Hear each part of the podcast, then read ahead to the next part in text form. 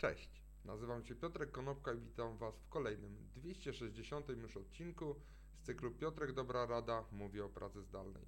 Dzisiaj powiem o tym, jak złe praktyki w, właśnie w tej pracy zdalnej mogą Wam e, zepsuć biznes. Po pierwsze, e, dostęp do danych. Bo jeżeli będziecie korzystali z niezabezpieczonego dostępu, kiedy nie będą wdrożone polityki związane z bezpieczeństwem, to to może prowadzić do poważnych zagrożeń związanych z no, waszym cyberbezpieczeństwem. I mówimy tutaj zarówno o backupach, mówimy o bezpieczeństwie waszych systemów informatycznych, mówimy o polityce haseł, mówimy o bezpieczeństwie dostępu poprzez niezabezpieczone sieci Wi-Fi. E, oraz oczywiście mówimy o tym, że tak naprawdę najsłabszym ogniwem tych wszystkich części składowych jest człowiek i to człowieka też trzeba przeszkolić, a nie tylko pozabezpieczać wszystkie systemy hasłami. Drugim elementem może być to, że brak odpowiednich rutyn i odpowiedniej struktury może powodować, że ten biznes nie będzie tak płynnie działał, jakbyście tego chcieli.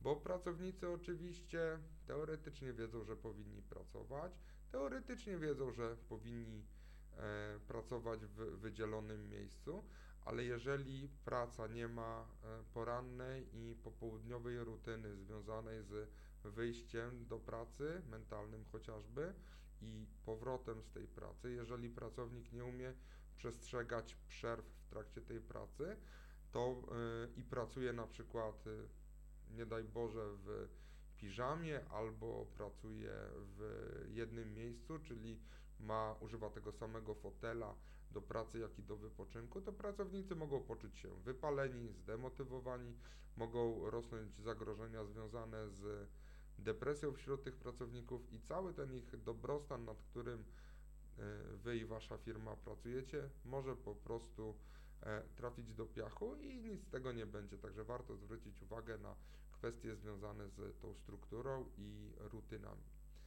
Po czwarte, komunikacja może się stać bardzo trudna, jeżeli będziesz bardzo mocno polegał na technologii i nie będziesz miał planów zapasowych. Bo oczywiście, e, jeżeli jesteśmy w środowisku biurowym, to jeżeli nie możemy się dodzwonić do kolegi, to możemy do niego podejść.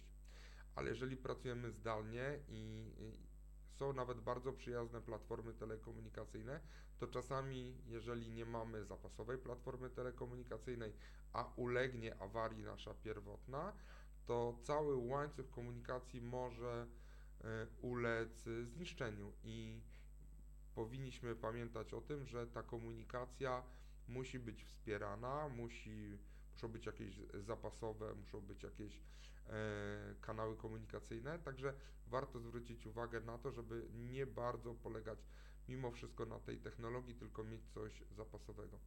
I ostatnia rzecz związana tym razem e, znowu ze, e, z taką strefą personalną, ze strefą osobistą, to brak tych interakcji osobistych może powodować też szkody dla biznesu, bo ludzie umieją się komunikować ustnie, ale pamiętajmy, że e, sama treść w przekazie komunikacyjnym to jest tylko 7%, pozostałe 92 czy 93% to są kwestie związane z intonacją głosu, głosu i z mową ciała. A w momencie, gdy prowadzimy komunikację, gdy czasami nie widać nas na Zoomie czy innym Teamsie, to tej mowy ciała również nie widać. Czasami ta komunikacja w mailach również nie odzwierciedla niuansów, również nie odzwierciedla emocji. I ten brak tych bezpośrednich kontaktów może również powodować szkody dla waszego biznesu. Także to były cztery elementy, które w pracy zdalnej mogą spowodować, że wasz biznes nie będzie działał tak jak trzeba. A dzisiaj chciałbym zapowiedzieć już y, czwartkowy wywiad, bo po raz pierwszy w Piotrku Dobrej Radzie będę miał gościa i nie zdradzę jeszcze, kto tym gościem y, będzie, ale będziemy w y, czwartek mówili na temat well-beingu, czyli mówiąc po polsku dobrostanu. Dzięki serdeczne, do zobaczenia i usłyszenia jutro. Na razie.